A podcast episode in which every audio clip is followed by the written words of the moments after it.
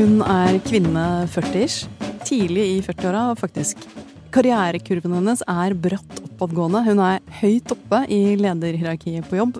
Har naturlig autoritet og er kjent for å sjonglere masse oppgaver og har full oversikt og, og ta gode beslutninger. Men så skjer det noe. Hun begynner å glemme ting. Humøret hennes svinger veldig. Og en dag, midt i et stort ledermøte, sånn rett foran topplederen som det er viktig å imponere, så begynner hun å gråte. Og noe sånt har jo aldri skjedd før. Og etter det så synker statusen hennes på jobb. Folk begynner å se litt rart på henne, hun blir ikke inkludert på samme måte som før, det holdes viktige møter uten henne, og det gjør jo vondt. Men hun skjønner det på en måte også, for hun er jo ikke sånn som hun pleide å være. Hun begynner å bli redd for at hun har fått ja, tidlig demens, kanskje. Og etter 18 måneder med å føle seg helt fortapt og ulykkelig, så sier hun opp jobben sin. Og Kristine, du skjønner jo sikkert hvor vi skal hen nå. Mm, det gjør jeg, Marte. Og det var jo da ikke tidlig demens for denne damen, det var overgangsalderen. Mm, og så skjønte hun ikke selv hun, hva som skjedde med henne. Nei, og da det ble slått fast da, at hun hadde vært gjennom eh, menopausen raskt og brutalt, da ble hun skikkelig overraska. Men, men, hun dama her, hun tok jo tak i eget liv og gjorde noe ganske kult. Ja, altså det, det her starter jo som litt sånn ydmykende, men så blir det en glad, gladsak, egentlig. Det var en britisk dame, det her, Lauren Tryron, og i stedet for å gå tilbake til den gamle jobben sin, så starta hun sitt eget selskap, Women of a Certain Stage, altså kvinner på et visst stadium, som skal lære arbeidsgivere å skape det hun beskriver som en menopause savvy culture, som blir noe sånt som eh, en smart eller erfaren overgangsalderkultur. Eh, og denne Lauren har da gitt seg selv tittel Executive Health Coach and a Menopause Specialist, og hun skal da gjennomføre en overgangsalderrevolusjon i britisk arbeidsliv, fordi det trengs mer kunnskap og åpenhet, mener hun, og ingen kvinner skal måtte gå gjennom det som hun selv var gjennom. Altså, det der syns jeg er egentlig veldig kult, så gøy for henne, eh, og ikke minst bra for oss. Eh, men sånn apropos det du starta med å fortelle, da, da hun brøt sammen og gråt på toppen der. Du, hva med deg? Er du sånn som gråter på jobb, Marte? ja, jeg har gjort det. Altså, ikke ofte. Jeg vil si kanskje sånn tre-fire ganger i løpet av de 20 årene som jeg har jobba, da. og det har ikke skjedd i et stort møte med masse folk, sånn at jeg måtte løpe gråtende ut, heldigvis. Det har vært mer sånn én til én sånn, og så starter med at jeg sier sånn nå blir det litt mye for meg her, og så renner det over. Mm. Altså, det, er, det, der, det, der, med gråting på jobb, det er, sånn, det er en ganske sånn tricky greie, syns jeg. For at det, um, det er liksom det helt motsatte av det bildet vi har på å være profesjonelle og sterke. Uh, og, og, hvis tårene skulle liksom presse på, som jo er også helt naturlig kan skje når noe står på spill og noe er viktig for deg, så, så blir man plutselig veldig sårbar, da. Uh, det der syns jeg er en sånn interessant greie, og jeg tenker at jeg tenker mye mer i retning eh, av at det er skummelt og sårbart enn overskriftene sånn type à la 'kvinner bruker tårer for eh, å få det som de vil', eh, eller hva tenker du? Jeg er helt enig. Som hersketeknikk så tror jeg tårer funker dårlig. Og det skal sies at mine tårer ble tatt godt imot, de altså, men, men det kom ikke så mye hersk ut av det. For min del, i hvert fall. men, men det som jeg har tenkt på, da, det at jeg kan renne litt over av følelser. Når jeg er sliten eller stressa eller over helt tøysete ting. Altså, jeg tror bare et par dager siden jeg satt og gråt uh, sammen med datteren min over en eller annen eh, ganske dust amerikansk familiefilm. De vet hva de gjør. de vet veldig godt hva de gjør. Eller gi meg nyheter om barn eller dyr på TV. Men sånn her var ikke jeg i 20-åra. Det er det jeg har tenkt på. Altså, jeg hadde noen år da hvor jeg var sånn beintøff og usårlig, eh, og klarte brasene, liksom. Og så ble jeg gravid og hormonell, og da var det jo velkommen til emo-land, og så avtok det. Men så syns jeg nå, de siste årene, sånn i 40-årslivet, jeg lurer på om det skjer noe igjen, jeg. Ja. Altså, jeg vet ikke, men kanskje har det noe å gjøre med det temaet som vi har på dagsorden i dag, da, Kristine? Mm. Ja, det, det, kan jo hende. Og så skal vi jo også snakke om appelsinen i logoen vår, som jo har fått en del oppmerksomhet i uka som gikk. Ja, det skal vi. Det er et løfte. Eh, men først da, så skal vi skrelle oss innover i denne appelsinen til de som spiller hovedrollene i denne andre episoden av Førters. Ja, men skreller man egentlig en appelsin innover? Men ja, eller uansett. Jeg gjør det. Så skrell i vei. Ta vel imot hormoner.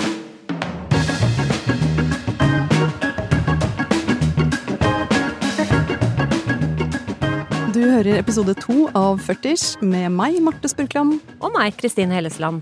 Vi er faste gjester i hverandres liv. eh, Og du er jo min faste gjest her i podkasten, Kristine. Ja, du, tusen takk for denne faste gjesterollen, Morte. Det er jo godt å i hvert fall bli bedt ett sted i løpet av uka, da. Ja, det er koselig, det.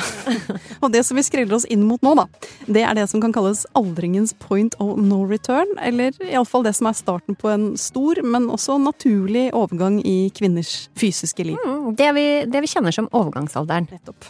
Og både du og jeg er jo ganske bevisste på at vi ikke er i overgangsalderen ennå. Mm, nei, der vi er i alder, så er vel den i snitt fem-seks år unna. Gjennomsnittsalder for menopause for norske kvinner er 51 til 53. Eh, Men vi som er 40 er kanskje også i en hormonell fase.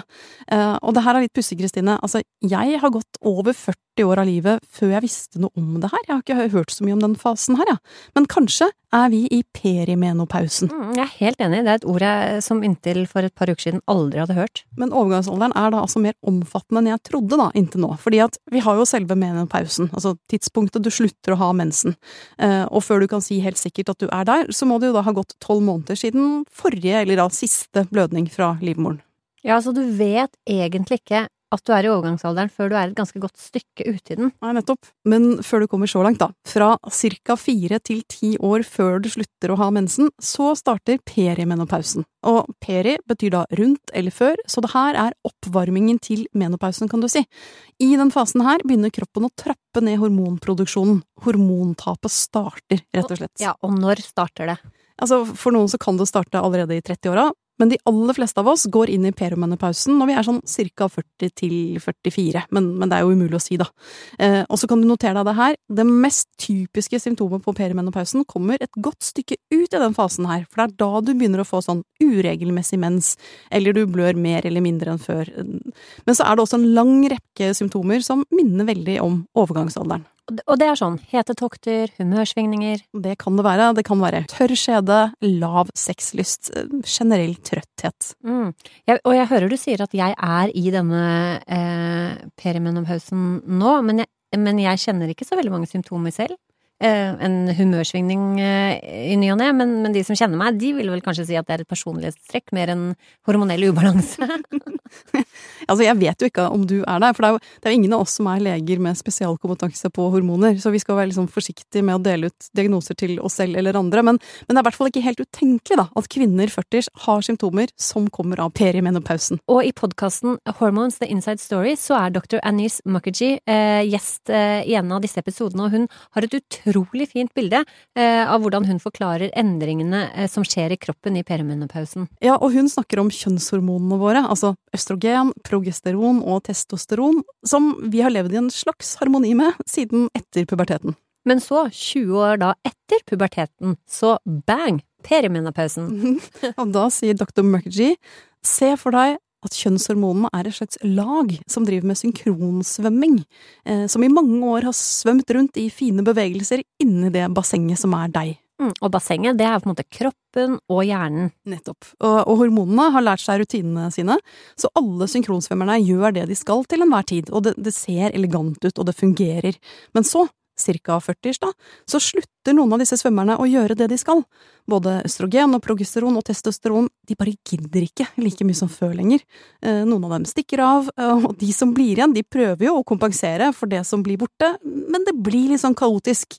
Og innimellom så ender det i et sånt gigantisk mageplask. Mm, og dette plasket det forvirrer hjernen og kroppen og skaper alle disse symptomene, som noen får mange av og noen får få av. Ja, eh, og det er jo også viktig å understreke. Det her med perimenopausen, det er jo som med overgangsalderen. Selve menopausen. Noen kjenner mye til det som skjer inni kroppen, andre kjenner mindre til det. Så det er jo, det er jo lov å håpe på litt sånn eh, rolig, rolig forløp selv.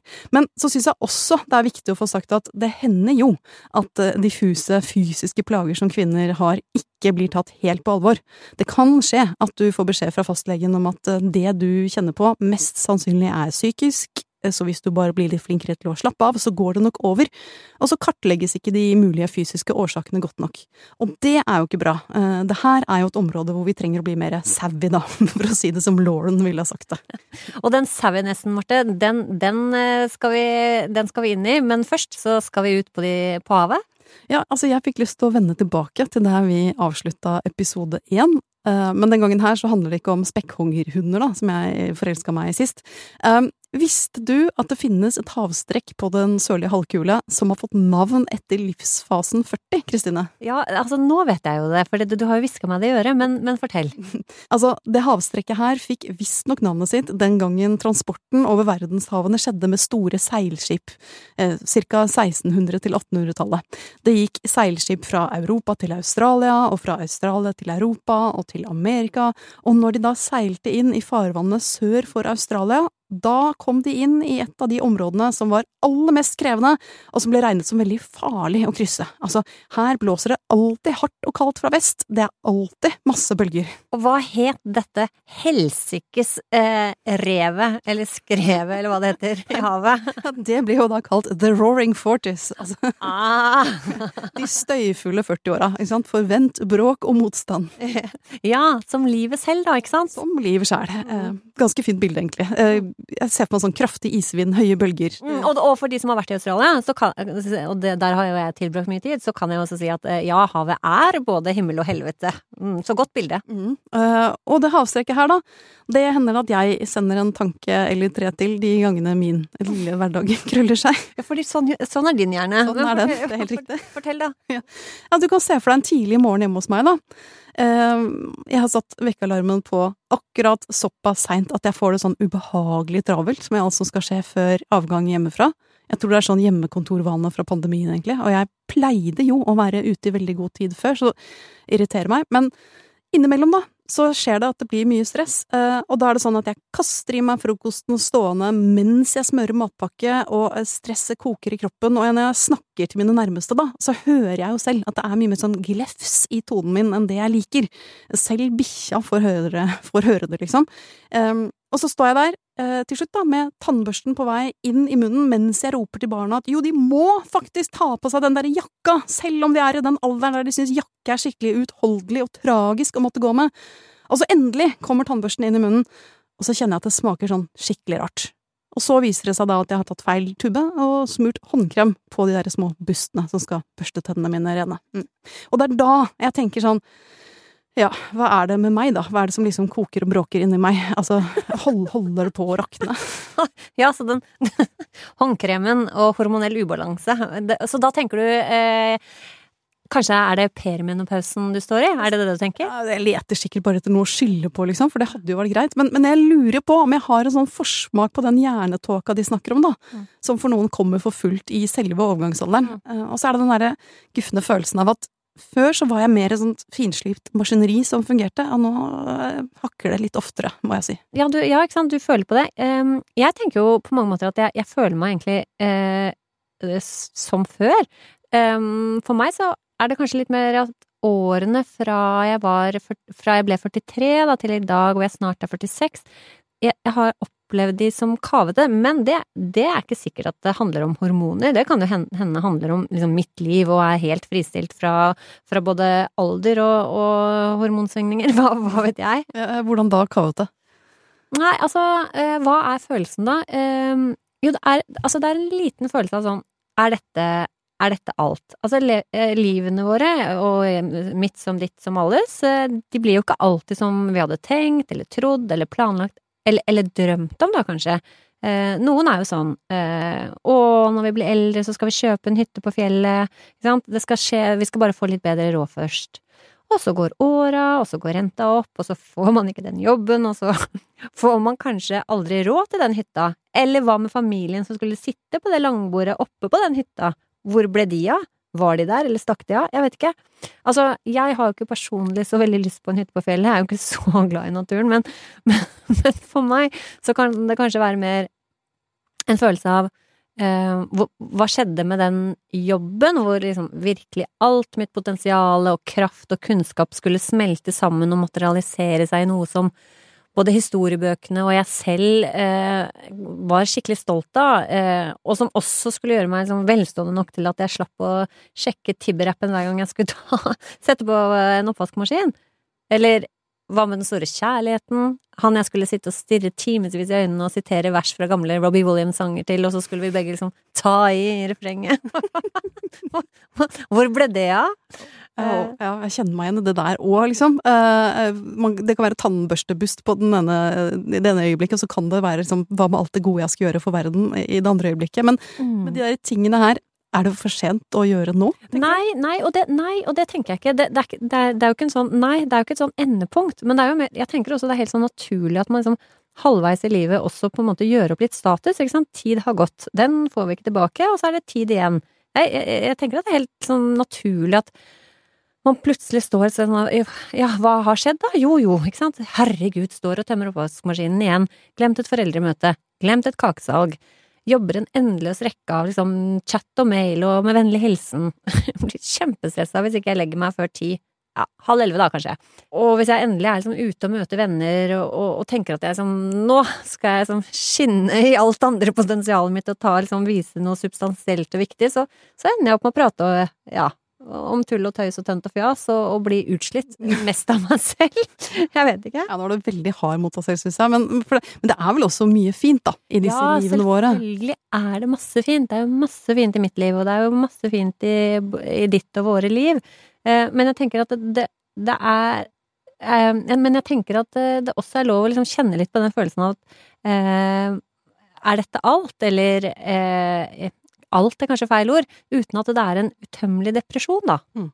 Jeg tror ikke det er en depresjon, egentlig, men så selv om jeg da kan bare snike inn da, at forskning antyder også at en del kvinner i perimenopausen er mer sårbare for depresjon og stress, så du, du kan få litt sånn forskningsstøtte der òg, faktisk. Man kan velge.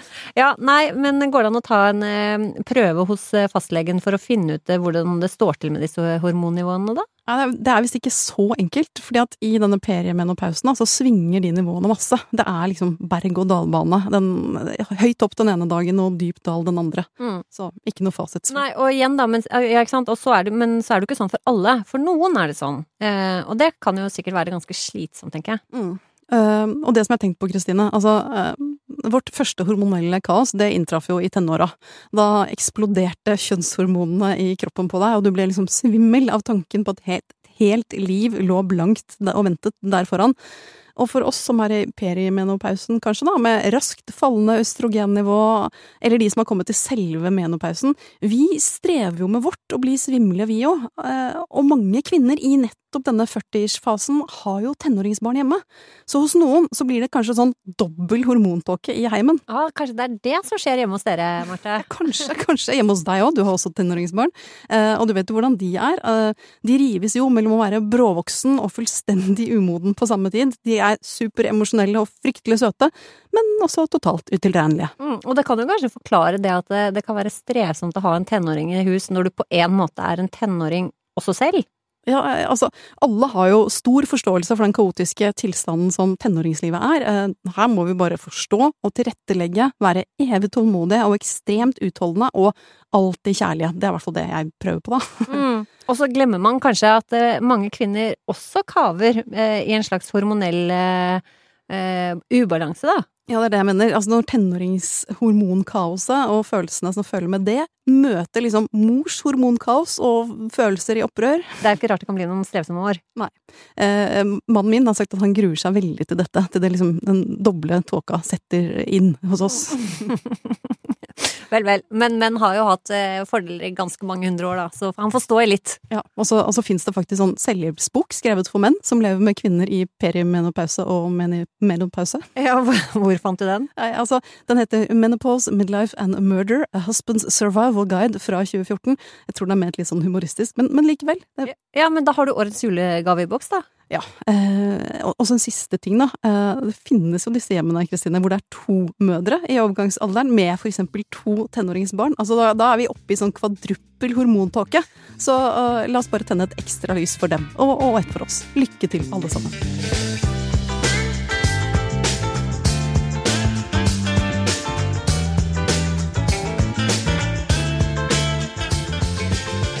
Hvis jeg sier dansk utenriksminister i overgangsalderen, hvem tenker jeg på? Birgitte Nyborg Borgen. Selvfølgelig. Altså, eh, hun er jo da ikke en ekte dansk politiker, men en hovedperson i TV-serien Borgen. Jeg Mm. elsker Birgitte. Ja, jeg er helt enig, og, og serien. Men uh, det er jo en stund siden den var sånn uh, hot pick på, på Netflix, bare for å ha sagt det. Jo, jo. Uh, og for de som ikke har sett den, da. Borgen følger jo da denne fiktive politikeren, Birgitte Nyborg, gjennom ild og vann og andre prøvelser. Hun har vært statsminister i tidligere sesonger, og hun har også vært i opposisjon. Og så snakker vi sånn skikkelig powerdame. Lynkjapp i huet, god retorikk, prinsippfast. Det har rett og slett vært lett da, å like henne. Mm, ja, ikke sant. Og, og, og, og, så har hun en eh, veldig kjekk eksmann, to barn og masse forviklinger og familieliv. Altså Kan kjenne meg igjen i det, si. Men eh, altså, hun har fetere hus og finere lamper, da. Men, Enn deg? Ja, enn meg. Bedre lønn nå, tror jeg. Ja. I sesong fire så er hun utenriksminister i en regjering ledet av en kvinnelig statsminister som er minst ti år yngre enn henne. Eh, og noe av det nye denne sesongen her, det er jo da at Birgitte Nyborg er i overgangsalderen. Ja, ikke sant. Og så er hun så innmari i overgangsalderen. Eh, Det er sånn svettetakter som gjør at hun må tørke seg under armene til enhver tid med servietter og raserianfall som gjør at staben hennes blir redd og, og frykter henne. Ja, og vi har jo lært å kjenne henne som veldig sånn velkledd og snasen i hvite silkebluser og stramme skjørt, og nå faller hun helt fra hverandre. Eh, Hun er ikke så veldig elskelig lenger. Nei, noen sånne gigantiske humørsvingninger, og så impliserer man at, denne, at det kanskje er overgangsalderen da, som påvirker dømmekraften hennes. Ja, hun er mye mer maktsjuk enn i tidligere sesonger, og hun fremstiller jo da en kvinne i midtlivet som har en topposisjon, og som står i en spagat, altså hun må hele tiden prestere og forsvare plassen i regjeringen, mens hun da bak fasaden går gjennom menopausen, eh, med disse utslagene her. Hva syns du om den fremstillingen, Kristine? Mm, nei, vet hva, jeg syns jo egentlig at den var ganske overdreven. Um, og så, så vet jeg jo at det er mange kvinner som går gjennom overgangsalderen med mye færre symptomer og plager enn det der, så for meg så Det ble nesten liksom bikka nesten over til parodisk. Mm -hmm. uh, ja, for meg så handler jo Borgen om makt, da. Så jeg tolket det egentlig ikke sånn at det var overgangsalderen per se som drev Birgitte til alt hun gjorde i den sesongen her. Altså, hun ville ikke gi opp posisjonen sin, rett og slett. Hun holdt på den, kosta hva det koste ville. Og jeg tenker at det er makten som går henne til hodet, ikke hormonene. Mm, mm, det kan godt hende. Altså, jeg tenker litt på de som har laget Borgen, og hvor de er i livet, ikke sant. Eh, Fordi eh, Eller det som er gøy, tenker jeg at eh, vi eldes jo på en måte i takt med omgivelsene. Husker du da du ønsket deg barn, så var det eneste du så, det var sånn barne, barnevogner på gata, og, og så nå ser man ikke de lenger. Og så kan det godt hende at de som er 22 ikke ser like mye Borgen som, som vi gjør. Eh, så det er jo noe med at mange av våre på en måte eh, peers, da, eller de som eh, også lager kultur, de begynner også å bli eldre, og så speiler de på en måte livet i den livsfasen de selv er i. Eh, og da er jeg på en måte ganske glad for at de tar med seg det som faktisk også er en del av livet, for eksempel overgangsalderen. Eh, og så er det kanskje litt nytt av tiden vi lever i i dag. Så eh, altså, jeg vet ikke, jeg skal ikke dra det så langt som å si at representasjon er viktig, for det blir kanskje litt sånn dustete, men det er noe i det, at, det, at den delen av et kvinnes liv også blir en populærkultur. Eh, det syns jeg er kult. Ja, jeg syns jo representasjon er viktig, og jeg merker at jeg, jeg liker skikkelig godt den større åpenheten om midtlivet som vi kanskje ser nå, da. Med Borgen og med andre TV-serier som Better Things og Pernie, og, og faktisk på forlagenes høstlister også nå, som, som jeg følger med på. Der er det flere romaner med midtlivstematikk. Mm, det syns jeg er enig. Kult. Det er et behov. Men tilbake til Borgen, da. Altså, Birgitte Nyborg hun er jo da visstnok inspirert av en dansk politiker som heter Margrethe Vestager. Eh, hun har jobbet i EU-kommisjonen og gjort internasjonal karriere. Og da skuespiller Sisse Babette Knutsen skulle forberede seg til å spille Birgitte Nyborg, så hang hun visstnok på gjennom en dag av Margrethe Vestagers liv, for å, for å se hvordan hun opererte i den profesjonelle delen av sitt politikerliv, da. Eh, og så har jo Birgitte Nyborgs karakter har lignende utvikling da som Vestagers karriere, sant, fra politiker i Danmark ut i den internasjonale storpolitikken. Og hvis vi ser ut da på, på, på den internasjonale politikken, tenk når de begynner å lage drama av det som er, skjer i virkeligheten akkurat nå. Altså, altså den bjuder på. Eh, tenk på Sanna Marin, 36, statsminister i Finland, som har ført landet sitt inn i Nato og ble snikfilmet når hun danset på fest. Eller på Liz Truss, 47, som har overtatt etter Boris Johnson i the UK, og skal prøve å redde kongerikets skakkjørte økonomi med en sånn økonomisk modell som får mye motbør fra mange hold. Og så er det Giorgia Meloni, da, 45, som vant valget i Italia for litt siden med sitt ytre høyreparti, som hun har bygd opp mer eller mindre fra ingenting. Eh, og så kan man jo mene hva man vil om disse damene, om politikken de står for og utfører, eh, men det er i hvert fall sånn at virkelighetens Birgitte Nyborger er nesten enda mer interessante enn fiksjonens, da. ja, og neste gang noen skal skrive en TV-serie, så kan de jo også eh, kanskje skrives av en kvinne òg. Altså, på en måte er det jo litt sånn irriterende at Borgen er skrevet av en mann. Eh, Adam Price, eller irriterende hva skal jeg si um, Men altså, for å være kritisk, så kunne man kanskje sagt sånn åh, igjen så er det liksom menn som sitter og dikterer hvordan kvinner skal oppleves også på film og i TV-serier, eller ikke sant? Altså, mm. hadde det ikke vært, nesten vært eh, Altså, hvis jeg skulle skrevet den serien, så hadde det vært enda kulere om Birgitte Nyborg. Ikke sant? Det er en scene hvor hun åpenbart plutselig får en blødning, og så er det sånn stor ståhei for å få tak i en sekretær som må få tak i en tampong, og som må overlevere denne. Eh, etterlatt inntrykk. Kvinner med mye makt klarer ikke å håndtere eget underliv. Altså, skulle jeg skrevet den scenen, så ville det bare slått sånn Birgitte går på do, vi ser at hun tar et par ekstra dotørk og legger i trusa, så fra siden, altså ikke ser rumpa hennes, og så går hun ut i møte igjen. Det synes jeg hadde vært en mye kulere måte å illustrere hvordan en helt vanlig kvinne med en uvanlig jobb fikser en plutselig blødning. Mm. Uten hjelp fra assistent. ja, uten hjelp fra assistent.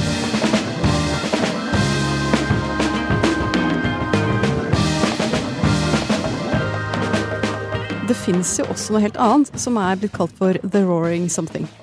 Roaring Twenties. Ja! 20-åra med jazzklubber og charleston-dans og art deco og heftig natteliv og kjoler med frynser nederst og sånne snertne bånd rundt om. Mm, og verdens mest romantiske periode, i hvert fall på film. Ja, eh, og The Roaring Twenties det skal jo da ha fått navnet sitt etter den ville måten folk levde på på det tiåret. Det var liksom skru livet til absolutt maks. Mm, til hverdagen tok dem kanskje. Eh, og åra. ja, og så kom det jo et krakk ikke sant, på slutten av 20-åra og gjorde helt slutt på partyfaktoren faktoren. Men hvis vi overser den slutten, da, og ser på den lyse siden av The Roaring Twenties og The Roaring Forties, altså alt er jo ikke bare mørkt og stress og kaos. Nei, eh, ikke sant, fordi den samtalen vi jo prøver oss på eh, om midtlivet, den er jo relativ, akkurat som livet selv. Livet er jo sånn at vi både bekymrer oss for gassledninger i det ene øyeblikket, en rynke i panna det andre, og i det tredje så er vi full av empati med en venninne som sliter, og alt det er eh, sant samtidig. Ja, vi er sammensatte mennesker med flere sider. Mm, så vi må liksom kunne få lov å bekymre oss litt for rynkene, tenker jeg, og synes den nye kjolen sitter som et skudd. Føle indre jubel etter en seier på jobb, men også være bekymret for jobbavslaget man fikk, og spekulere på grunnen til det. Ja, det er de ulike 40-års-fasettene det. Mm, jeg tenker litt på den sangen, husker du den eh, Wear Sunscreen? Husker du den? Ja, ja, ja. det var en av mine favorittlåter gjennom tidene. Ja, ikke sant. Og den, den er jo riktignok til tenåringer, da, men der er det en setning som er sånn You are not as fat as you imagine. Og jeg er ganske sikker på at noe av det vi føler på, da, at det er liksom litt sånn uh, underlig og, og, og, vanskelig av og til å se på at kroppen blir litt eldre, eller å kjenne at huden faller litt. Uh, den følelsen, den vil i livets store bilde, det vil falme, og så vil vi se tilbake på denne overgangen og tenke ja, ja, men det gikk jo bra. Altså, alle faser i livet har sine utfordringer og sine gleder, men akkurat nå, så når tingene er i endring, så er det ikke alltid like lett å føle det. Akkurat som en tenåring som ikke ser hvor nydelig hun eller han er. Kanskje er det også sånn. Eh, å bli kjent med den modne kvinnen jeg ser i speilet, er en prosess. Eh, og det handler ikke så mye om at jeg ønsker jeg var 25 år igjen, men mer om å finne ro i det speilbildet som, eh, som er meg nå, da. Mm. Eh, ja, det der kan du begynne å selge som en sånn selvhjelpskurs, Kristine. Noterer.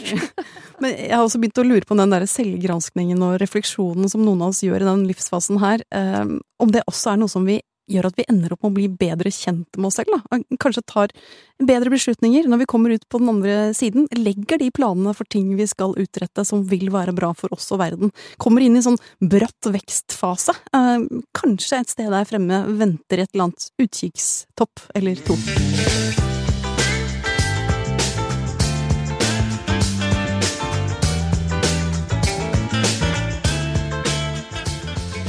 Ok, da har vi kommet ned til 40-ish-forsiden. Eh, appelsinen vår, som er blitt gjenfødt denne uka. ja, videreutviklet og skrelt, vil jeg si. Ja, eh, Og først så må vi jo da si tusen takk for alle de gode og glade tilbakemeldingene vi har fått etter at første episode av 40-ish kom ut i verden fredag for en uke siden. Mm, det ble vi glad for så kom det også tilbakemelding på coveret vårt, altså appelsinen med noen overmodne grønne flekker på den ene siden. Det ble av noen oppfattet som et signal til kvinner 40-ish om at vi har gått ut på dato. Mens for meg, da, så var jo disse to sidene ved appelsinen, eh, struttende og glatt på den ene siden, flekkete på den andre, et symbol på hvordan 40-årslivet kan oppleves noen ganger. Det her med at noen sider ved å eldes er bra, andre er mer utfordrende å håndtere. Det er det, det vakre og det vanskelige med aldring. Eh, og så så jeg de der muggflekkene som et symbol på det uperfekte. Eh, det kan man jo liksom kjenne i alle livsfaser. Noen dager er toppklasse, og alt er mulig. Andre dager kjennes det ikke helt sånn. Ja, ikke sant, enig. Og vi skal jo snakke om både liksom, det fine oppsiden og det litt liksom, nedsiden i dette rommet her. Livet er jo litt av alt. Ja. Men når det er sagt, da, og når forklaringen er gitt, så vil jo vi være lydhøre. Så derfor så tar vi tilbakemeldingen til oss, og vi har latt oss inspirere. 40 har nå en levende logo som er gjenkjennelig, den er fortsatt en appelsin, men den justerer seg litt fra episode til episode. ja, og, eh, og, hva blir den neste, da? Det får vi se. Altså, I dag var den skrelt, og vi har kikket inn under overflaten og snakket om hormoner inni kroppen. Eh, så, så, får vi bare se hva, hva, tiden bringer videre. Og hvis du mener noe om, om logoen sånn som det ser ut nå, da, eller om innholdet, så er vi veldig takknemlige for tilbakemelding. Det er bare å sende 40 at aftenposten.no. Og 4040 at aftenposten.no. Takk for det. Helt riktig.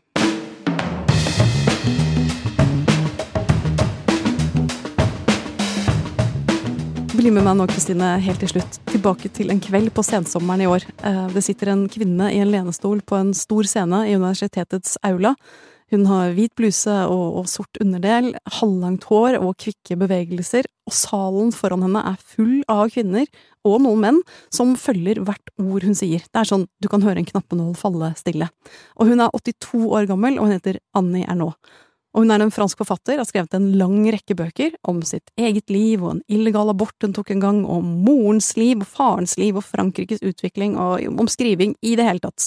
Um, og du vet jo at jeg er jo hele tiden på leting etter kvinner som er forbilder i, for kvinnene i mitt livet, de som viser at det er noe magisk og storslått i den livsfasen her også. Mm. Uh, og det Annie forteller da, til alle oss som sitter der, i den nyeste romanen sin som heter Den unge mannen, det er om det dampende hete forholdet hun hadde da hun var 54, til en mann som var 23. Eh, og måten hun snakket om den sexen mellom de to, det var ganske fantastisk, rett og slett. Hun sier da at han var ungdom og energi og muskler og, håp og kjærlighet, og hun var liksom erfaring og kompetanse. Så hun, hun sa faktisk at hun lærte alt eh, han trengte å kunne da, til ham om tilfredsstillelse. Å, gøy! ja, og så sa hun, punkterte også at hun, hun var jo i overgangsalderen, men hadde en ustoppelig utrolig seksuell sult og lyst. Det var hun opptatt av å understreke. Hun, hun syns ikke at vi snakker nok om akkurat den biten der. Og nå tenker du jeg skal bli som Annie? Jeg, jeg, nei, jeg har ikke så mye rom i livet mitt for en 23 år gammel elsker. Eh, men, men du, Kristine, du har jo masse rom. Det er, det er deg jeg har håp for. Mm, kjempesannsynlig. ok. Uansett, kall meg litt koko, men jeg syns det var inspirerende. Um, og så skal vi komme tilbake til overgangsalderen i en senere 40-episode, da. Men, men, før det, siden vi nå har vært i perimenopausen, så er jo vel neste uke er det vel fertilitet som uh, blir eh, temaet vårt? Ja, altså hvis noen tenker at i perimenopausen så er det helt slutt. Nei, det kan bli babyer da også, uh, men det kommer vi tilbake til. Mm. Dette var ukas episode med meg, Marte Spurkland. Og meg, Kristine Hellesland.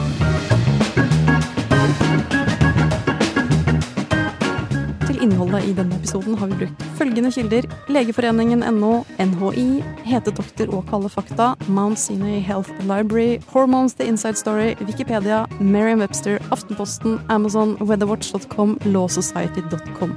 Kristine er leder for digital kommunikasjonsavdeling i Forsvaret kommunikasjon, men i denne podkasten stiller hun som privatperson og som min venn og gjest.